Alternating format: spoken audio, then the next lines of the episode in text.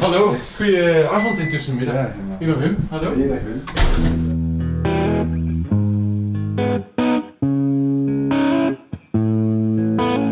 Ik ben Wim Oosterlink. Welkom bij de podcast Drie Boeken, waarin ik boekenliefhebbers vraag naar de drie boeken die wij volgens hen moeten gelezen hebben.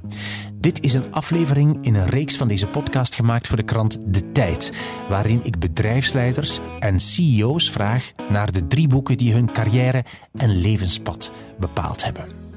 Mijn gast in deze aflevering is Jonathan Berte, geboren in 1978. Hij studeerde toegepaste fysica aan de Universiteit Gent en specialiseerde zich in neuroscience in Zurich. Hij is oprichter en CEO van RoboVision, een bedrijf dat toepassingen voor artificiële intelligentie ontwikkelt en in de spits zit van de technologische ontwikkelingen van vandaag. Ik trok naar het Technologiepark in Zwijnaarden bij Gent, waar een massa onderzoekscentra van bedrijven uh, gevestigd is. En tussen het BASF Innovation Center, Ablinks, InnoGenetics en Centra voor Medische Biotechnologie staat ook het gebouw waarin RoboVision gevestigd is. Jonathan Berte deed zelf de deur voor me open. Ik zag meteen een inkomhal die vol stond met kartonnen dozen, met hier en daar een robotarm erop. Uh, ons gesprek ging over het boek van zijn vader, dat hem deed beslissen om ingenieur te worden. Over het boek dat hem helpt de lange termijn te zien als bedrijfsleider. Over wat hij het moeilijkste vindt als CEO. En wat hij zichzelf in deze functie heeft moeten leren.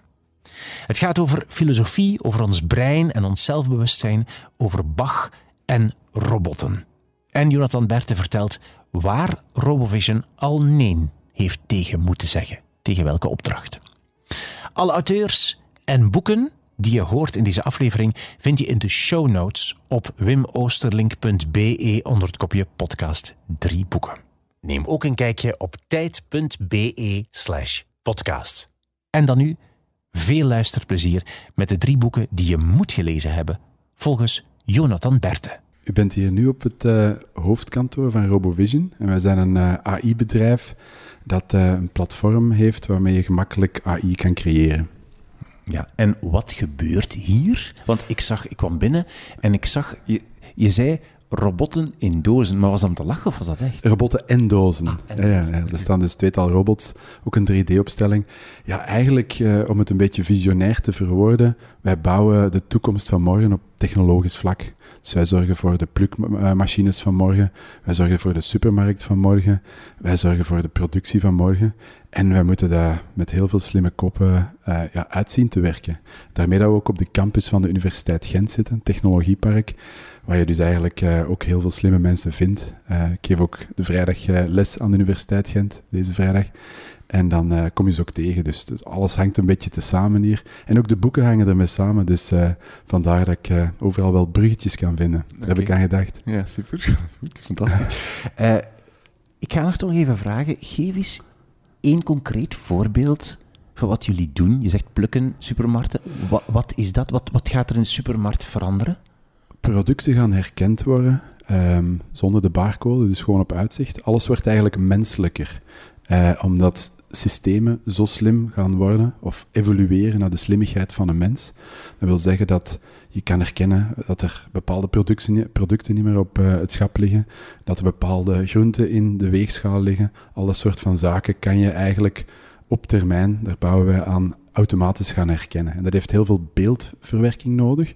Dus het automatisch verwerken van foto's, het herkennen van zaken op foto's. En dan kunnen robots plantje planten, zoals we over heel de wereld doen, of kunnen robots een, een, een pak of een, een, uh, een pakje oppakken uh, bij de post of zo. Dus, dus eigenlijk uh, ja, die wereld van morgen handjes en voetjes geven. Hè.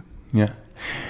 Eh, maken jullie hier echt zo proefopstellingen, hier in dit gebouw, zo'n soort proefopstellingen ja. om dat te proberen? Absoluut, ja. absoluut. De meeste dingen die wij doen zijn wel onder NDA, zoals dat heet. Um, de dingen die we mogen publiceren staan natuurlijk op de website en in podcasts. Maar er zijn hier projecten waar wij nog niet over mogen communiceren. En dat gebeurt dan achter gesloten deuren. Maar dat zal je binnen de komende maanden en jaren wel in de pers vernemen. Hè? En leg eens uit waarom je er niet mag over communiceren. Omdat voor een bedrijf belangrijk en geheim is, ja, concurrentieel. Ja, het, is- het heeft, het heeft verschillende aspecten. Hè. Concurrentieel, ze willen niet dat bepaalde concurrenten weten dat we werken op bepaalde innovaties. Ehm, ja, en ook de samenleving van morgen ziet er anders uit, dus zij willen daar zelf over com- communiceren en, eh, en alle aspecten communicatief in handen houden. Hè. Ja. Ik had toch nog een vraag, zoals net. Eh, dus als ik hier de verkeerde kamer binnenstap in dit gebouw, Ja. kan het zijn, ai, verkeerde, of een kamer binnenstap, kan het zijn dat ik echt een machine dingen zie proberen Ja. die jullie aan het uittesten zijn, softwarematig met die robots. Dat is het, ja. Ja, en dat doen we in eh, voornamelijk drie sectoren. Dus in de landbouw en tuinbouw. Dus ehm, de kas, zoals de, zoals de Nederlanders zeggen. Ehm, doen we in de industrie, de maakindustrie, om dingen te maken, om chips te maken, wordt onze software gebruikt. Eh, maar ook in eh, de gezondheidszorg. Dus als eh, bepaalde mensen een, een type kanker hebben, dan kunnen wij die kanker heel nauwkeurig gaan detecteren. Daar zijn we allemaal op aan het werken om ervoor te zorgen dat die wereld van morgen ja, efficiënter werkt. Hè. Dat is eh, Ja. hoe dat evolueert. Hè. Ja. Hoeveel mensen werken er voor RoboVision? We hebben een team van iets meer dan 100 man. Ehm, en zijn ja, vooral mensen met een technische achtergrond, het grootste deel. Maar natuurlijk voor sales, marketing en alles hebben we ook bredere profielen. Dus eh Ja, ja. ze in elkaar. Ja, en wat, dus los van de sales en de marketing, wat doen die dan vooral? Schrijven die, schrijven die codes? Zitten die op, op compu- computerschermen? Probeer, probeer mij praktisch voor te stellen. Hè? Ja. Zitten die op computerschermen codes te schrijven voor die robots? Dat is een hele goede vraag. Want eh, als je een talk van mij zou ehm aanhoren, dan gaat het daar eigenlijk over. Eigenlijk schrijven die namaakbreinen. Eh, die schrijven geen algoritmes meer zoals dat we vroeger een bepaalde ja, beslissingsboom moesten opstellen. Als dan, dan dat. Maar die gaan eigenlijk aan de hand van data, aan de hand van foto's, dat gaan verbinden met een namaakbrein, met namaakneuronen. In de techniek eh, noemen we dat neurale netwerken. En die gaan ze dan trainen. Ze gaan daar allerlei zaken mee doen met die namaakneuronen. Ze gaan die ehm, ja, een beetje pesten soms in sommige gevallen om ervoor te zorgen dat dat namaakbrein eigenlijk ja, heel veel nieuwe patronen en nieuwe zaken kan gaan herkennen. Oké. Ik heb gevraagd om drie boeken te kiezen die belangrijk geweest zijn voor jouw leven slash ehm, leven als bedrijfsleider. Ja. Ehm, wat is jouw eerste boek? We gaan meteen beginnen. Hè? Wat is jouw eerste boek? Mijn eerste boek is eh Gödel Escherbach van Douglas Hofstetter.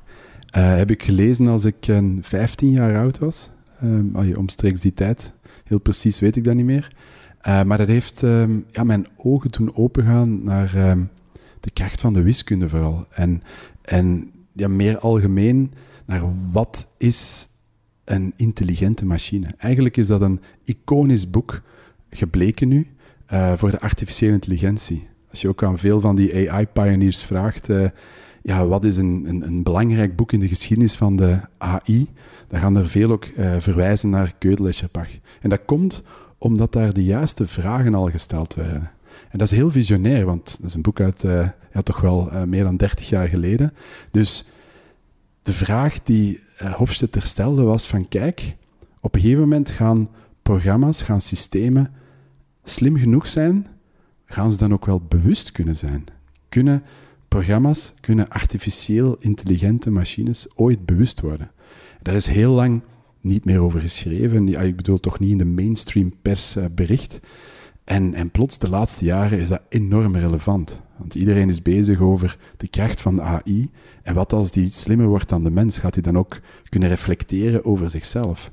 En hij noemt dat zelf de strange loop. Strange loop, eh, de vreemde lus, om het in het Nederlands te zeggen, is in feite, hij voorspelt het als een, als een systeem complex genoeg is, dat het eigenlijk ja, zichzelf kan gaan beschouwen. Een soort van recursief mechanisme, waarbij dat, ja, eh, uiteindelijk de, het gevoel van het zelf naar boven komt. Een soort van emergent gevoel.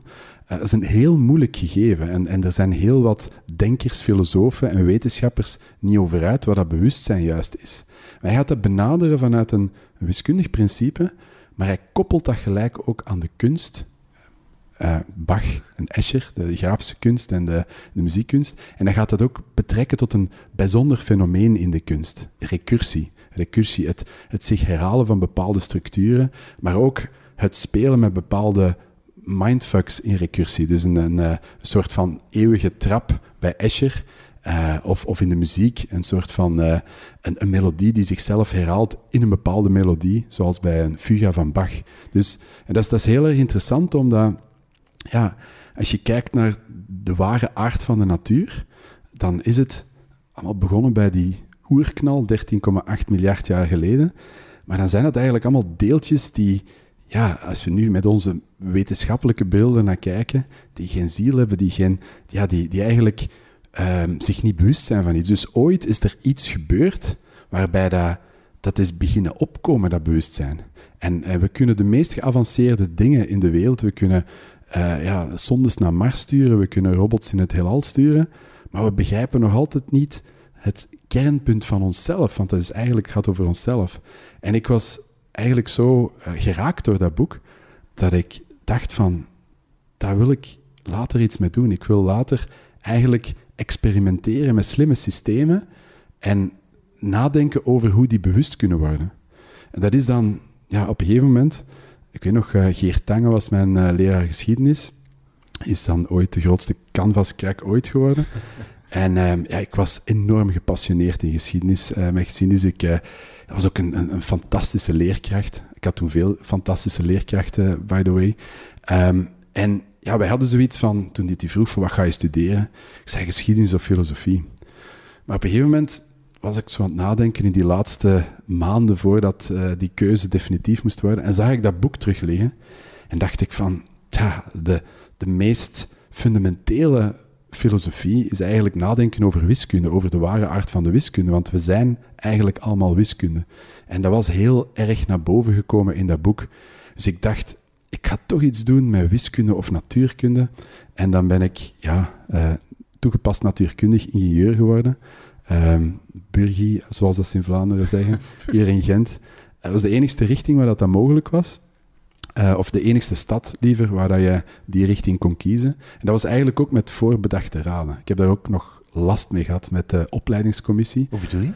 Wel, omdat ik wist dat wat ik echt wou studeren, dus voortgaand op dat boek, een boek dat eigenlijk al die heilige huisjes, die, die schotten tussen die verschillende departementen en ja, denksystemen weghaalt, ja, dat dat niet kon aan de universiteit. De universiteit van de jaren 90 was een departementenuniversiteit. Je kon niet burgeringenieur studeren en filosofie tegelijk, zoiets. Ja, dat bedoel je niet. Nee. Wel, het gaat in feite over wat ik dan, waar ik dan op voort wou werken, was slimme systemen.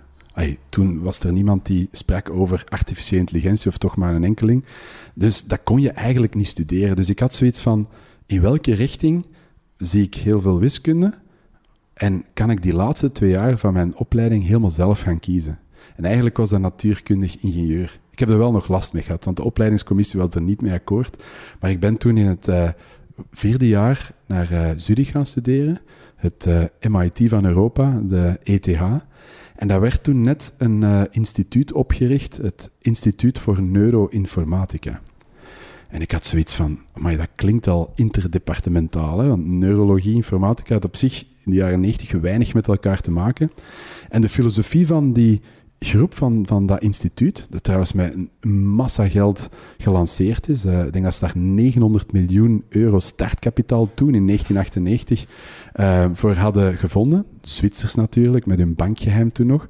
En die hadden er niet beter op gevonden dan in heel de wereld de beste professoren weg te plukken. Van um, Caltech University, Berkeley. Dus ik, ik kwam daaraan en ja, ik, ik zag daar uh, rollerskatende uh, Amerikaanse professoren, wiens uh, vaders nog Nobelprijzen hadden gewonnen, door de gangen gaan met, met zo'n shortje omdat ze gingen lopen tijdens de middag. En ik had zoiets van, that's where I belong. En ja, toen ben ik eigenlijk vrij snel mee ingeschakeld op sommige van die essentiële projecten. Je kon dat dan, het was een heel moderne universiteit, studenten konden echt meewerken aan fundamenteel onderzoek.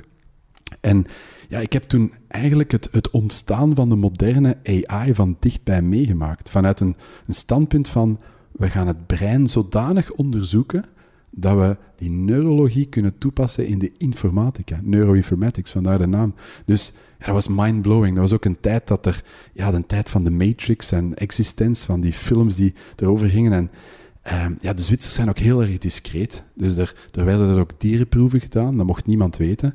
Er was daar een, een, een horde katten, uh, eh, 80 katten, en die hadden echt een bioport ingeplant. Uh, die hadden zo'n parallele poort met silicoon, dat was echt heel degoutant, um, ingeplant. En ik ging toen op café, s'avonds met van die Italianen die in dat geheim labo, dat zat echt onder de grond, werkten. En die mij uitlegden van, ja, wij zijn eigenlijk al in staat om dromen te kunnen afluisteren. Ik had zoiets van, damn. Dus ik had van, ik zit hier echt wel op de juiste plek, onafgezien van de dierenproeven. Um, en, en, en ja, die trein waar ik nu op zit, is toen eigenlijk ja, beginnen, beginnen bollen. Ik ben nooit echt ergens gaan solliciteren. Ik ben meteen zelfstandig geworden, omdat ik ervan overtuigd was van, kijk, de eerste golf van artificiële intelligentie, die gaat toegepast worden op beelden. Want dat zag ik ook in dat labo, dat heel veel van die reverse engineering van, de brein, eh, van, eh, van het brein eigenlijk over beeldinformatie ging. Talen en, en, en andere zaken zijn verschrikkelijk moeilijk, omdat het al ja, andere abstractieniveaus zijn, begrijp je? Dus, dus dat boek, om even terug bij het boek, want ja, we zijn bezig met drie boeken, ja, dat heeft mij eigenlijk intellectueel doen ontwaken en ja, ervoor gezorgd dat ik echt een heel specifieke missie aan mijn leven kon geven. En die missie was van, ik wil in die slimme systemen zitten en ik wil ja, de wereld daarmee veranderen. Ik heb nog duizend vragen over maar ik ga proberen om er twee... Je zei, ik ben meteen um, als zelfstandige begonnen, maar, of zelfstandig begonnen, maar wat, wat was dat dan? Goh, dat is een goede vraag. Um, want ja, het beroep dat ik wou zijn bestond nog ah, wel, niet. dat, dat, dat, dus, waar deed je dat dan? Ja, wel. Ik, um, dat, is heel, dat is een grappig verhaal. Uh, ja, ik had zoiets van... Iedereen had door dat ik niet gemaakt was om een doordeweekse job te gaan solliciteren. Dus ja, ik, uh, ik had dan via via um, ja, gehoord dat er een heel hoogtechnologisch bedrijfje was in Deinzen. En nogal uh, een zotte eigenaar. En ja, daar ben ik dan eigenlijk gaan zeggen van, kijk, um, ja, ik wil beeldverwerking doen op uw robots die in de automotive werken, in de, in de auto-industrie. En wij hadden eigenlijk heel snel uh, een, een, enorme klik. En ja, als zelfstandige, want die vroeg van hoe wil die hier komen werken? Ik zeg van ja, liefst zelfstandig, en dan kan ik ook nog mijn eigen projecten en zo doen. En ja, dan ben ik eigenlijk vrij snel ingeschakeld op slimme systemen, slimme camerasystemen. En op die manier ja, was die trein vertrokken. Want iedereen had natuurlijk zijn vragen in de industrie. Kan je dit, kan je dat? En op die manier is die bal aan het rollen gegaan. Ja. Ik heb nog een vraag over het boek uh, Gödel, Escher, Bach. Um, ik snap nog niet de link met die drie namen en bewustzijn. Ik snap wel dat bewustzijn belangrijk is voor artificiële intelligentie, voor de vraag van hoe artificiële intelligentie werkt en wat de toekomst is van, van neurale netwerken. Maar ik snap niet wat Gödel, Escher en Bach daarmee te maken hebben. Wel, dat is een heel goede vraag. Het gaat eigenlijk over... Ja, ik wil niet te veel in technisch detail gaan, maar het gaat over formele eh, logische systemen. En die hebben regels, die hebben grondaxioma's en die hebben een bepaald vocabularium, een bepaalde een aantal uh, elementen waar die axioma's mee gevormd kunnen worden. En als die um, complex genoeg zijn, dan kan je van die uh, bizarre fenomenen krijgen. Dus bijvoorbeeld het alfabet met alle letters kan woorden en zinnen voortbrengen. Dat is ook zo'n formeel systeem. Um, maar als je dan van die zinnen uitspreekt van deze zin is onwaar, dan gaan wij als intelligent wezen zeggen van dit klopt niet, maar klopt wel, maar klopt niet. En komen eigenlijk in een soort van bewustzijnsconflict. Uh, ja, omdat we eigenlijk iets moeten interpreteren dat refereert naar zichzelf. En die zelfreferentie die heeft ook te maken met recursie, dat we zien in de, in de grafische, ja, de, de beeldvorming van, uh, van Escher. En Gödel is de wiskundige die daar een, ja, een, een stelling over geponeerd heeft. Van, er is geen enkel systeem dat alle stellingen van de natuurlijke getallen kan voortproduceren zonder zelf inconsistent te zijn. Dus ook weer een zelfreferentie. Dus, en eigenlijk, want, want het is nogal een moeilijk boek om zo samen te vatten. Het is ook eigenlijk relatief onleesbaar in deze moderne tijden. Ik zou de meeste aanraden van het vooral niet te lezen. Misschien wel zijn, zijn, zijn boek dat erop volgt. Uh, dus I Am a Strange Loop, omdat dat toch wel iets helderder uh, waarom is het onleesbaar? Omdat het is, het is moeilijk of het is, het is, het is, raar. Het is raar en moeilijk. En het gaat over alles. Het gaat over genetica, over logica, over eh, mensen, over waarheid, over de kosmos. Over... Het, is, het is eigenlijk, als je ooit Aphex Twin hebt beluisterd, eh, ja, het, het is eigenlijk een soort van Aphex Twin van de intellectualiteit. Zo, je, je kan Aphex Twin ook niet uitleggen. Dat is eigenlijk gewoon een gevoel dat binnenkomt. Begrijp je? Wat een Ja. bizarre vergelijking, maar oké, goed, ja. Ja. eh, super. Ja, maar de andere boeken zijn gewoon heel erg duidelijk. De Ja. Infinite Game, je kan het eigenlijk samenvatten in één paragraaf en dan heeft iedereen door waar dat gaat. Maar bij, bij Gödel Bach, natuurlijk is die titel op zich al wel wat explaining. Het gaat over die verschillende departementen waar dat wiskundige links tussen, eh, ja, of, of eigenlijk gelijkaardigheden tussen zijn en dan de grondfilosofie daarin. Maar, maar het blijft, ja, ook de vorm van het boek, het is, het is echt een moeilijk boek. Je moet, je moet ervan houden of, of, of, of, of je moet er ook voor, ja, je moet, je moet er voor openstaan. Je spreekt over bewustzijn, Ja, artificiële intelligentie, waar jij mee bezig bent, waar jij nu mee bezig bent. Hè? ja. Ehm, hoe ver ben je op dat pad van zelfbewuste systemen? Of is dat een domme vraag? Nee, dat is een heel slimme vraag, want eh, als je mij op een onbewaakt moment na vijf pinten in een Antwerps café zou tegenkomen, dan denk ik dat ik soms uitspraken zou doen als ik heb geen bedrijf, ik heb, eh, mijn bedrijf is een project van toegepaste filosofie met een deadline. En de deadline, zeggen we mensen een deadline, ja, want we moeten eigenlijk weten wat we met artificiële intelligentie moeten gaan doen voordat die exponentiële inzet van die systemen die zichzelf slimmer maken. Als je de meeste denkers, waaronder Max Tegmark, het derde boek, Life 3.0, ehm, ja, gaat beluisteren of, of lezen, dan, dan, dan is het heel duidelijk dat iedereen er wel van overtuigd is dat eh, artificiële intelligentie in de 21ste eeuw on par komt met de menselijke brein. Dus dat wil zeggen dat je, als je voldoende kapitaal of materiaal hebt, dat je eigenlijk ja, ehm, mensen kan copy-pasten. eh, of alleszins breinen kan copy-pasten. Dus dan, dan kan je natuurlijk wel heel veel verschillende scenario's gaan bedenken die niet allemaal eh, ja, liefdadig zijn. En ja, op dat pad naar, naar AGI, naar ehm, algemene intelligentie, ja, zitten wij wel degelijk. Want deep learning op dit moment is de, de cutting edge van artificiële intelligentie, de, de meest geavanceerde vorm, samen met reinforcement learning en andere technieken. Eh, en dat is, onze, dat is onze kernactiviteit. Dus ehm, als je hier ehm, met de mannen en vrouwen naar een bedrijfsoffsite gaat, of eh, de laatste keer waren we in Malta, ehm, ja, dan, dan gaat het in die filosofische gesprekken ook vaak over ja, die toekomst en wat brengt die en hoe gaat die samenleving daarin transformeren. Ik blijf nog even bij jouw eerste boek, dan gaan we naar jouw tweede. eh Gödel, Escher, eh, Bach. Je zei dat je dat op je vijftiende gelezen hebt. Ja? Wie heeft jou dat gegeven? Goh, mijn vader eh, die had altijd van die heel, ja, vind ik nu, leuke boeken rondslingeren. Dus dat slingerde eigenlijk rond bij ons. Dus ik had zoiets van, Bach, ja, ik, ik ben zelf pianist ook en ja, ik, ik ben een ongelooflijk gepassioneerde Bach-fan. En ik had zoiets van, Bach en wiskunde, wat heeft dat met elkaar te maken? En ja, dan ben ik daar zo op doorgaan, want op een gegeven moment was ik ook beginnen componeren, of alleszins ik wou eh, ja, zelf pianomuziek maken. En had ik van, aha, dat boek dat gaat hier over een algoritme om pianomuziek te maken. Zo interessant, dan moet je dat zelf niet doen. En, en die elementen heb ik eigenlijk terug opgezocht ja, in mijn carrière. Als je kijkt ook, Pano, denk ik twee jaar geleden, ja, dan ben ik een vriend, chef Neven, gaan opzoeken. Heb ik gezegd van, kijk, we gaan naar Piano Manen, we gaan daar een, een, een namiddag gaan spelen en we gaan dat verwerken met een AI-engine en we gaan een virtuele chef Neven maken. En, en dat zijn echt leuke dingen dat je, ja, dat je toch die, die band met je, ja, met je jeugdige idealen kan blijven behouden. En, en ja, dat is wat mij echt energie geeft. Want als het dan niet is, dan zou ik er nu al ongeveer, ongeveer bij doodvallen. Want ik eh, moet wel hard werken. Ja, oké. Ehm, je zegt, jouw vader, dat die rare boeken of vreemde of speciale boeken had rondslingeren. Waren er dan veel boeken in huis als kind?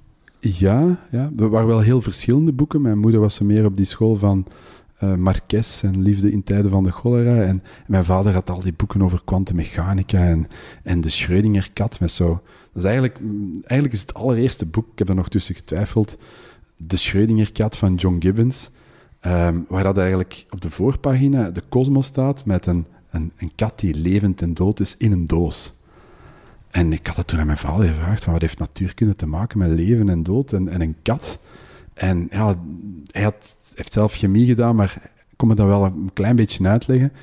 En ja, ik vond dat vooral heel magisch, ook dat woord kwantummechanica. Ik ben misschien ook wel een beetje, wat dat betreft, uh, gevoelig voor, uh, voor van die buzzwords, maar ja, dat, dat trok me wel aan. Mm. En, en op die manier is dat, ja, ben, ben ik zo die, niet enkel die, maar ook ja, de, de zelfzuchtige genen van uh, Dawkins en, en andere van die Roger Penrose. Dus ik heb echt wel vandaag, hoeveel sms'en hebben mij moeten sturen voor die boek? Ik denk een stuk of tien of zo. Ja, ik heb tot, tot het allerlaatste moment gewacht. Dat dus moeilijk kiezen. Ja. ja. best wel wat huiswerk gehad in de laatste dagen, denk ik.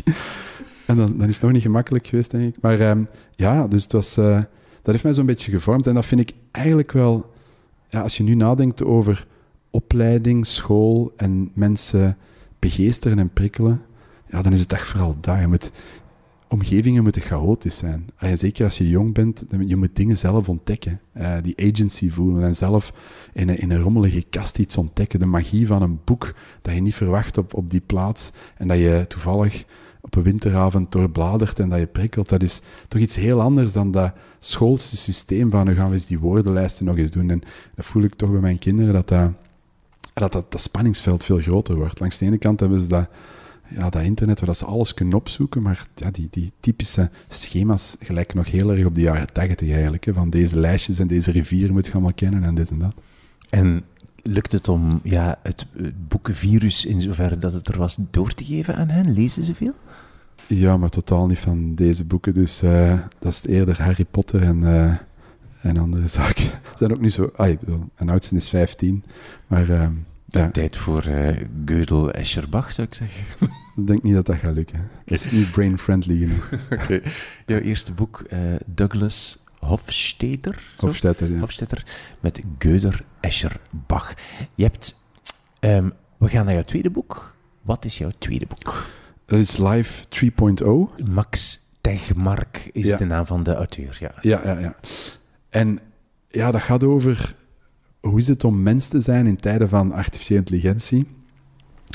En hij gaat daar die scenario's eigenlijk naar. Wat, wat als uh, ja, artificiële intelligentie ja, uh, plots veel slimmer wordt? Hoe gaat die samenleving veranderen?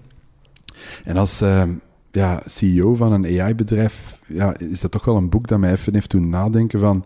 Je kan niet zomaar elk project gaan aanvaarden. Er zijn implicaties van bepaalde toepassingen. Je luistert naar drie boeken met Jonathan Berte. Even onderbreken, je hoort het vervolg zo meteen. Ja, wij, zijn, wij doen bijvoorbeeld, werken wij niet voor um, ja, um, het leger of voor uh, wapensystemen of leveranciers daarvan. En dat zijn toch ja, heel wel van die zaken die aan bod komen. Sorry, kan je iets vragen meteen? Is dat, is dat moeilijk? Moet je soms dan nee zeggen? Ah, absoluut, ja. We hebben ook uh, een ethische commissie in het bedrijf waarin dat we... Ja, er zijn heel veel dingen die, die zeer impactvol zijn. Hè. Ik kan over de meesten ook niet zomaar vrijheid praten, omdat ik we, ja, elk, ja, veel tracks bij ons, veel verschillende opportuniteiten gaan samen met geheimhouding. Maar ja, we hebben al vaak uh, nee moeten zeggen. En zelfs voor uh, Saoedische wapensystemen. Dus ja.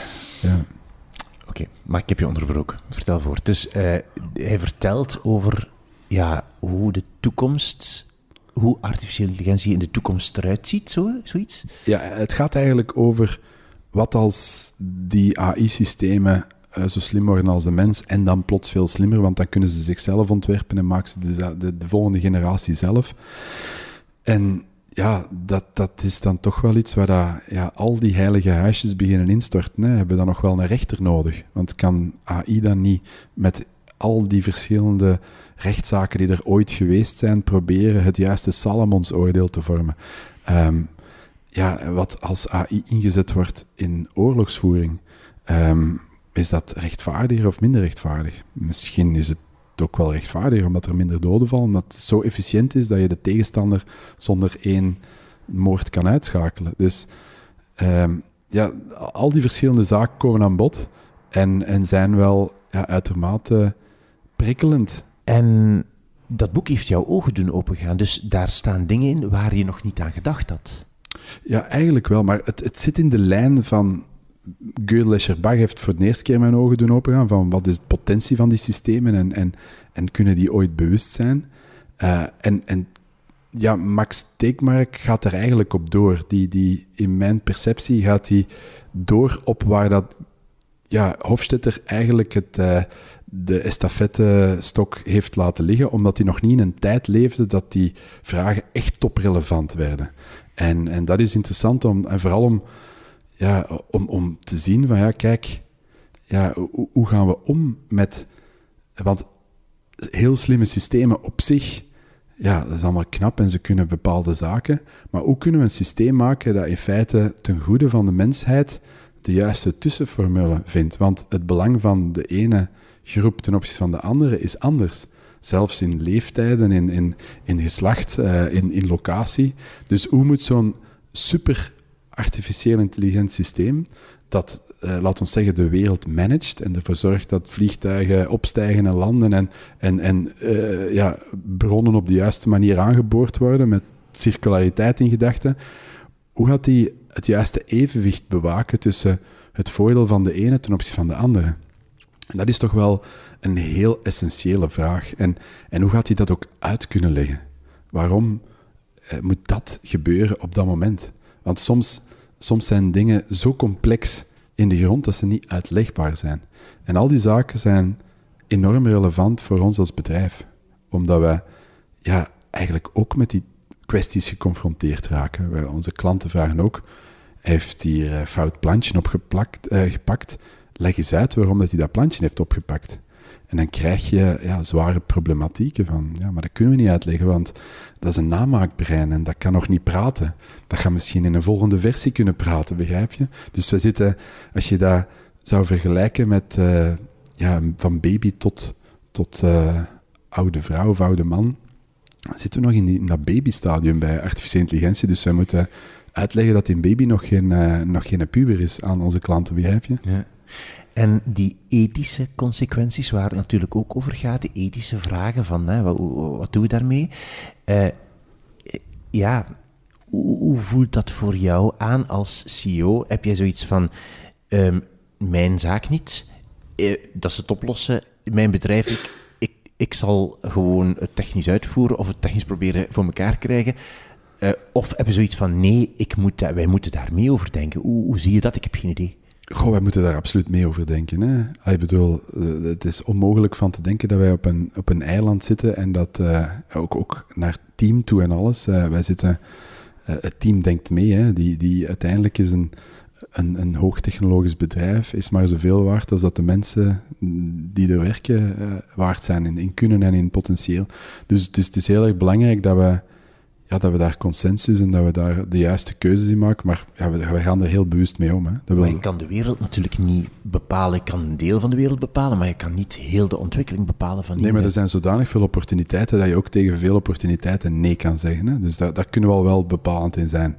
En ook al zijn opportuniteiten in een moeilijk ecosysteem, uh, in de voeding hebben natuurlijk alle, allerlei verschillende zaken, ja, dan, dan, dan gaan we wel nadenken van, ja, is het ten positieve of ten negatieve, welke contributie wij hier aan de productieketen leveren. Ik bedoel, dat, is, dat is altijd wel een basisvraag uh, die we dan doen. Ja. Maak je aantekeningen in boeken? Heb je daar, schrijf je erin? Nee, nee, nee, nee. Nee. Maar je hebt, wel een schriftje. Ja, ja, ja, omdat ik dacht van ja, kijk, sommige van die boeken heb ik al een tijdje geleden gelezen en dan... Uh... Maar je houdt je boeken proper. Ja, ja, ja. ja ik ben er nog... Uh, ik hou af en toe wel eens een keer iets onder, onderstrepen, maar ik ben niet zo... In, je hebt zo van die boeken waar daar om de drie bladzijden daar vijf lijnen onder... Ja, ik vind dat ook heel erg verwarrend als je dat dan uitleent. Dan ga je daar toch wel al een bias creëren bij de lezer. Hè. Die gaat ja, echt wel altijd die, die onderstreepte lijnen ook wel duidelijker gaan lezen. En dan denk ik, ja, dat is ja. gewoon uh, niet in de aard van beestje. Ja. En uh, staan jouw boeken... Heb je veel boeken thuis staan? Boekenkast, hoe ziet het eruit? Um, dat is een boekenkast die, die relatief vol staat, maar ja, ook met heel veel, uh, ja, hoe zal ik het zeggen, romans en zo van de, de kinderen en van uh, de vriendinnen en zo. Dus, uh. Oké, okay, ja. en staat het in de living, de boekenkast? Nee, dus op de eerste verdieping. Oké, okay. ja. daar benieuwd naar, raar. Ja. en en houd je bij wat je gelezen hebt?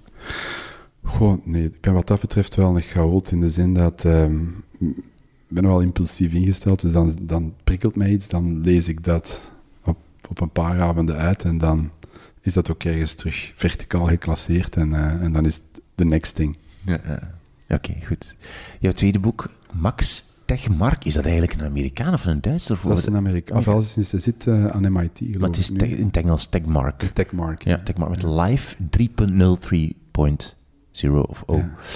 Wat is jouw derde boek? Het derde boek is van eh, Simon Sinek. Eh, dat is The Infinite Game. En dat gaat eigenlijk over... Eigenlijk is... Ja, het zit allemaal wel een beetje in dezelfde lijn, die drie boeken. Ehm, als je de realiteit als een soort van spel met spelregels, de wetten van de fysica, beschouwt. Ehm het gaat eigenlijk over ehm, ja, het, het concept van een spel dat eindig of oneindig is. En met een eindig spel bedoelt Simon... Ehm, er zijn regels, er is een duidelijke uitkomst, er zijn duidelijke spelregels. Dat is hoe dat wij mensen meestal denken. De meeste denken, denkers zijn, of de meeste mensen zijn finite thinkers. Dus die gaan eigenlijk vaak denken in termen van een zero-sum game, een uitkomst waar er een winnaar en een verliezer is. En ook bedrijven denken vaak in die zin. Het kwartaal moet beter zijn dan een concurrent. We moeten de beste van de markt zijn. En wat Simon eigenlijk naar voren schuift is, de realiteit is alles behalve een finite game. Er zijn een onbekend aantal deelnemers en de regels veranderen continu. En er is geen uitkomst van winnen en verliezen. Het gaat eigenlijk meer om ja, het spel te blijven spelen en niet uitgeput te geraken. Dus ehm, ja, wat hij eigenlijk zegt is, we zijn met business niet zo goed bezig, omdat heel veel in business afgemeten wordt in metrieken.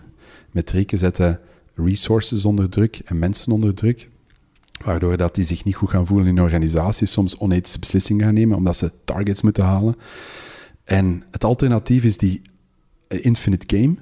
Ehm, de infinite game waarbij dat je eigenlijk eh, meer een missie, meer een, een globaal goal stelt en waar dat je je team eh, trustful enabled, dus vertrouwen geeft en waar dat iedereen eigenlijk weet van kijk, het moet hier ook zonder mij kunnen voortwerken. Dus je gaat in feite op zoek naar een, een more sustainable eh, ding. Eh, en, maar dat is heel moeilijk, want een mensleven is eindig, Eh, onze bankrekening is eindig, ja, onze, ons, ons gezin is eindig. De meeste mensen hebben geen oneindig aantal kinderen. Dus, dus wij worden overal geprikkeld om in een finite game te denken, een eindig spel. En ja, heel veel mensen zitten ook in de game van, ja, ik wil hier winnen. Maar winnen is vaak ook verliezen, omdat je uiteindelijk, ja, de, werkelijkheid is een oneindig spel. Dat is in feite... en waarom heb ik dat boek ook gekozen? Omdat ik, ja, ik kom wel uit een gezin van finite thinkers, om eerlijk te zijn. Ehm, dat werd heel hard afgemeten bij ons in de familie, van eh, je rapport is beter dan die persoon en dit en dat. Dus ik ben wel zo'n beetje gebrainwashed in ja, finite thinking. Dus voor mij was dat ook ergens mezelf tegenkomen, omdat ik natuurlijk een team leid van meer dan 100 man. Ja, hoe doe je dat sustainable? Dat is niet door ongezonde metrieken op te leggen en ervoor te zorgen dat iedereen eh, ja, zo hard werkt dat hij zegt van hm, toch eens iets anders proberen. Dus je moet in feite een missie gaan creëren die groter is dan het bedrijf, die, die verder gaat dan het kwartaal.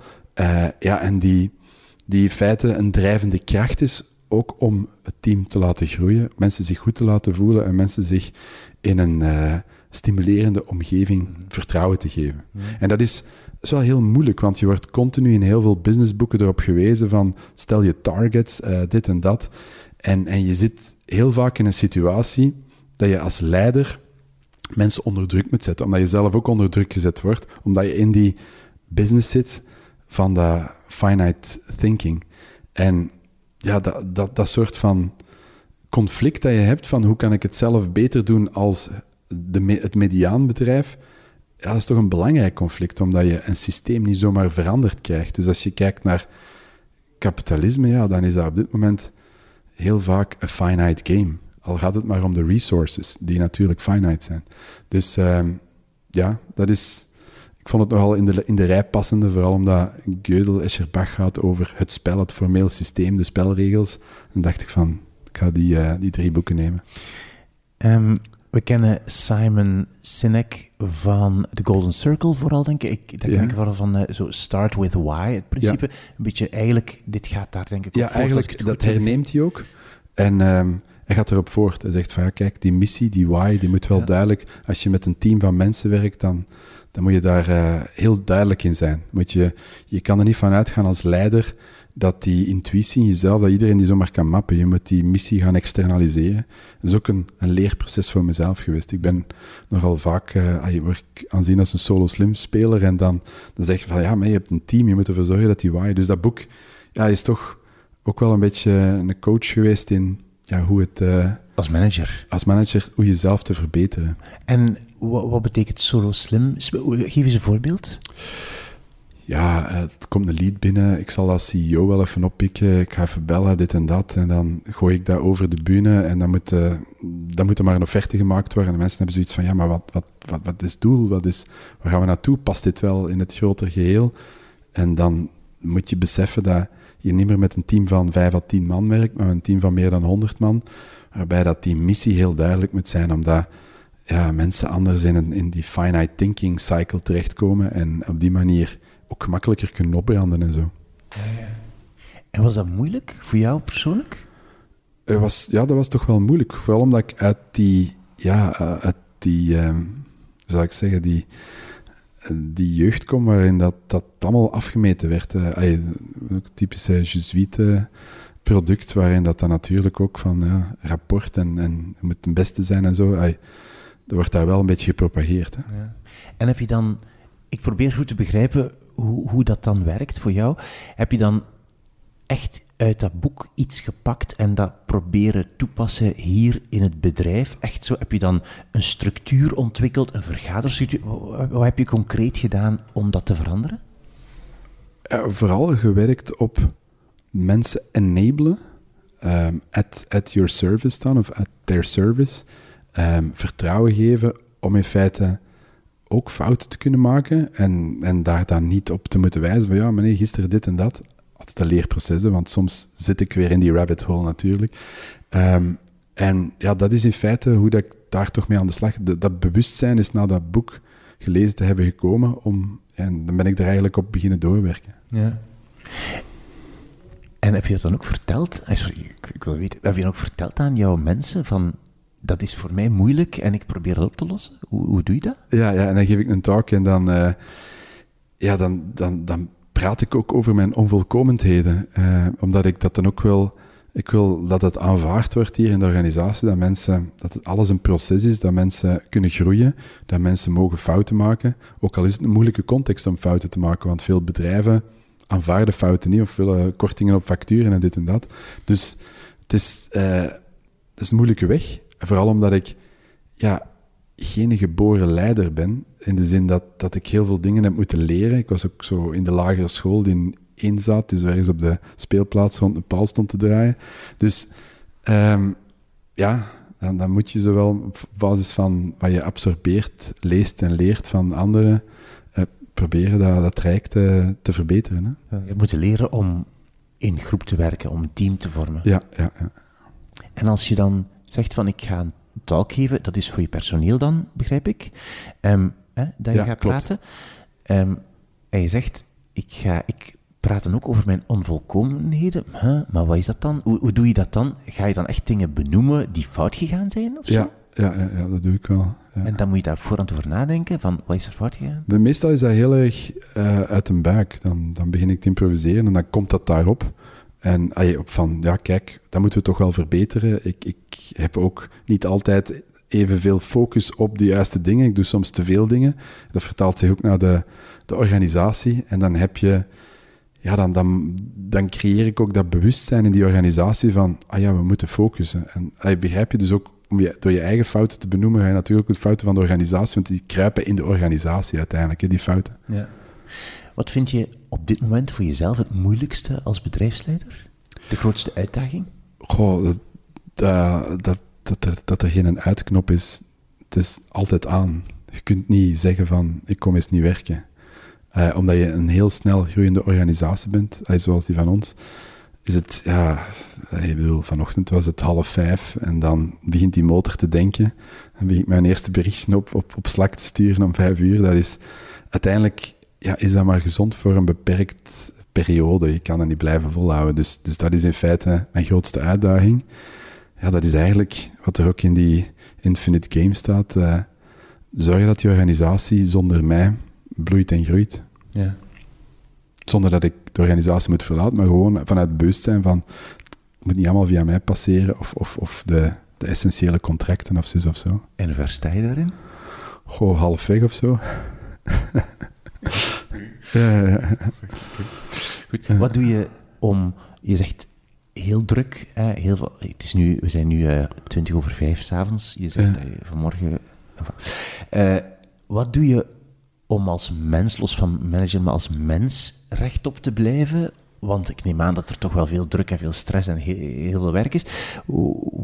Doe je sport of zo? Ja, ik ga... Um, zo om de, om de twee, drie dagen loop ik uh, vijf tot tien kilometer. Nu zit ik in een periode dat wat minder is.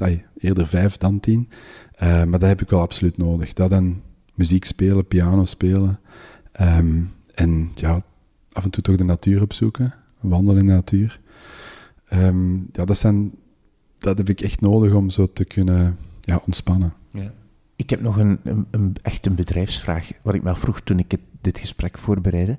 Ik las dat um, Robovision nog nooit extern geld gevraagd heeft. Dus nog nooit, ik weet niet of dat klopt, maar nog nooit eigenlijk een externe investeerder dat klopt, ja. Op het moment van dit interview klopt dat nog. oei. Oké, we zijn nu... Ja, goed.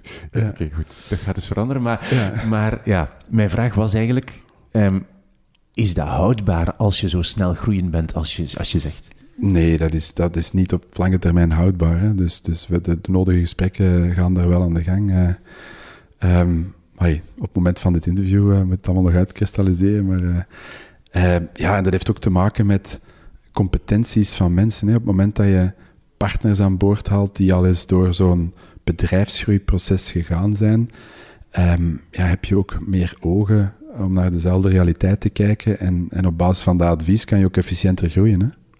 Hmm. Oké. Uh, wil jij jouw drie boeken nog eens herhalen voor mij? Wat was jouw eerste boek? Gödel Escherbach van Douglas Hofstetter. Mijn tweede boek was Life 3.0 van Max Tegmark. En het derde boek was The Infinite Game van Simon Sinek. Ik had niet verwacht dat het zo filosofisch ging zijn. Ja, ja, ja. Ik ben ja, eigenlijk in, in, in de kern wel een filosoof, ook al ben ik geen academisch filosoof voor alle duidelijkheid, maar de grote zijnsvraag uh, houdt me toch wel bezig. Moeder, waarom leven wij? Wat staat er nu op je agenda? Wat is het eerstvolgende dat je gaat doen na mij? Um, een pianoconcert van een uh, vriendin. Echt? Ja, ontspanning zo haar. Ja, ja inderdaad. Marie-François en uh, Roland Pelgrims die uh, samen het spelen. Of het is met Tony. Ik weet niet wat de configuratie juist is, maar... Okay. Alleen, maar goed, geniet ervan. Dankjewel. En dankjewel voor uw drie boeken. Dank u. Dat was heel aangenaam, dus ik hoop dat de luisteraar er ook iets aan heeft gehad. Dit was mijn gesprek met Jonathan Berte, een speciale aflevering gemaakt voor de krant De Tijd, waarin ik bedrijfsleiders en CEO's vraag naar de drie boeken die hun carrière en levenspad bepaald hebben.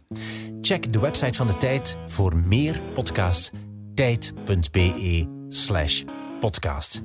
En ga naar de website wimoosterlink.be voor de show notes bij deze aflevering. Daar vind je alle boeken en auteurs die we noemen.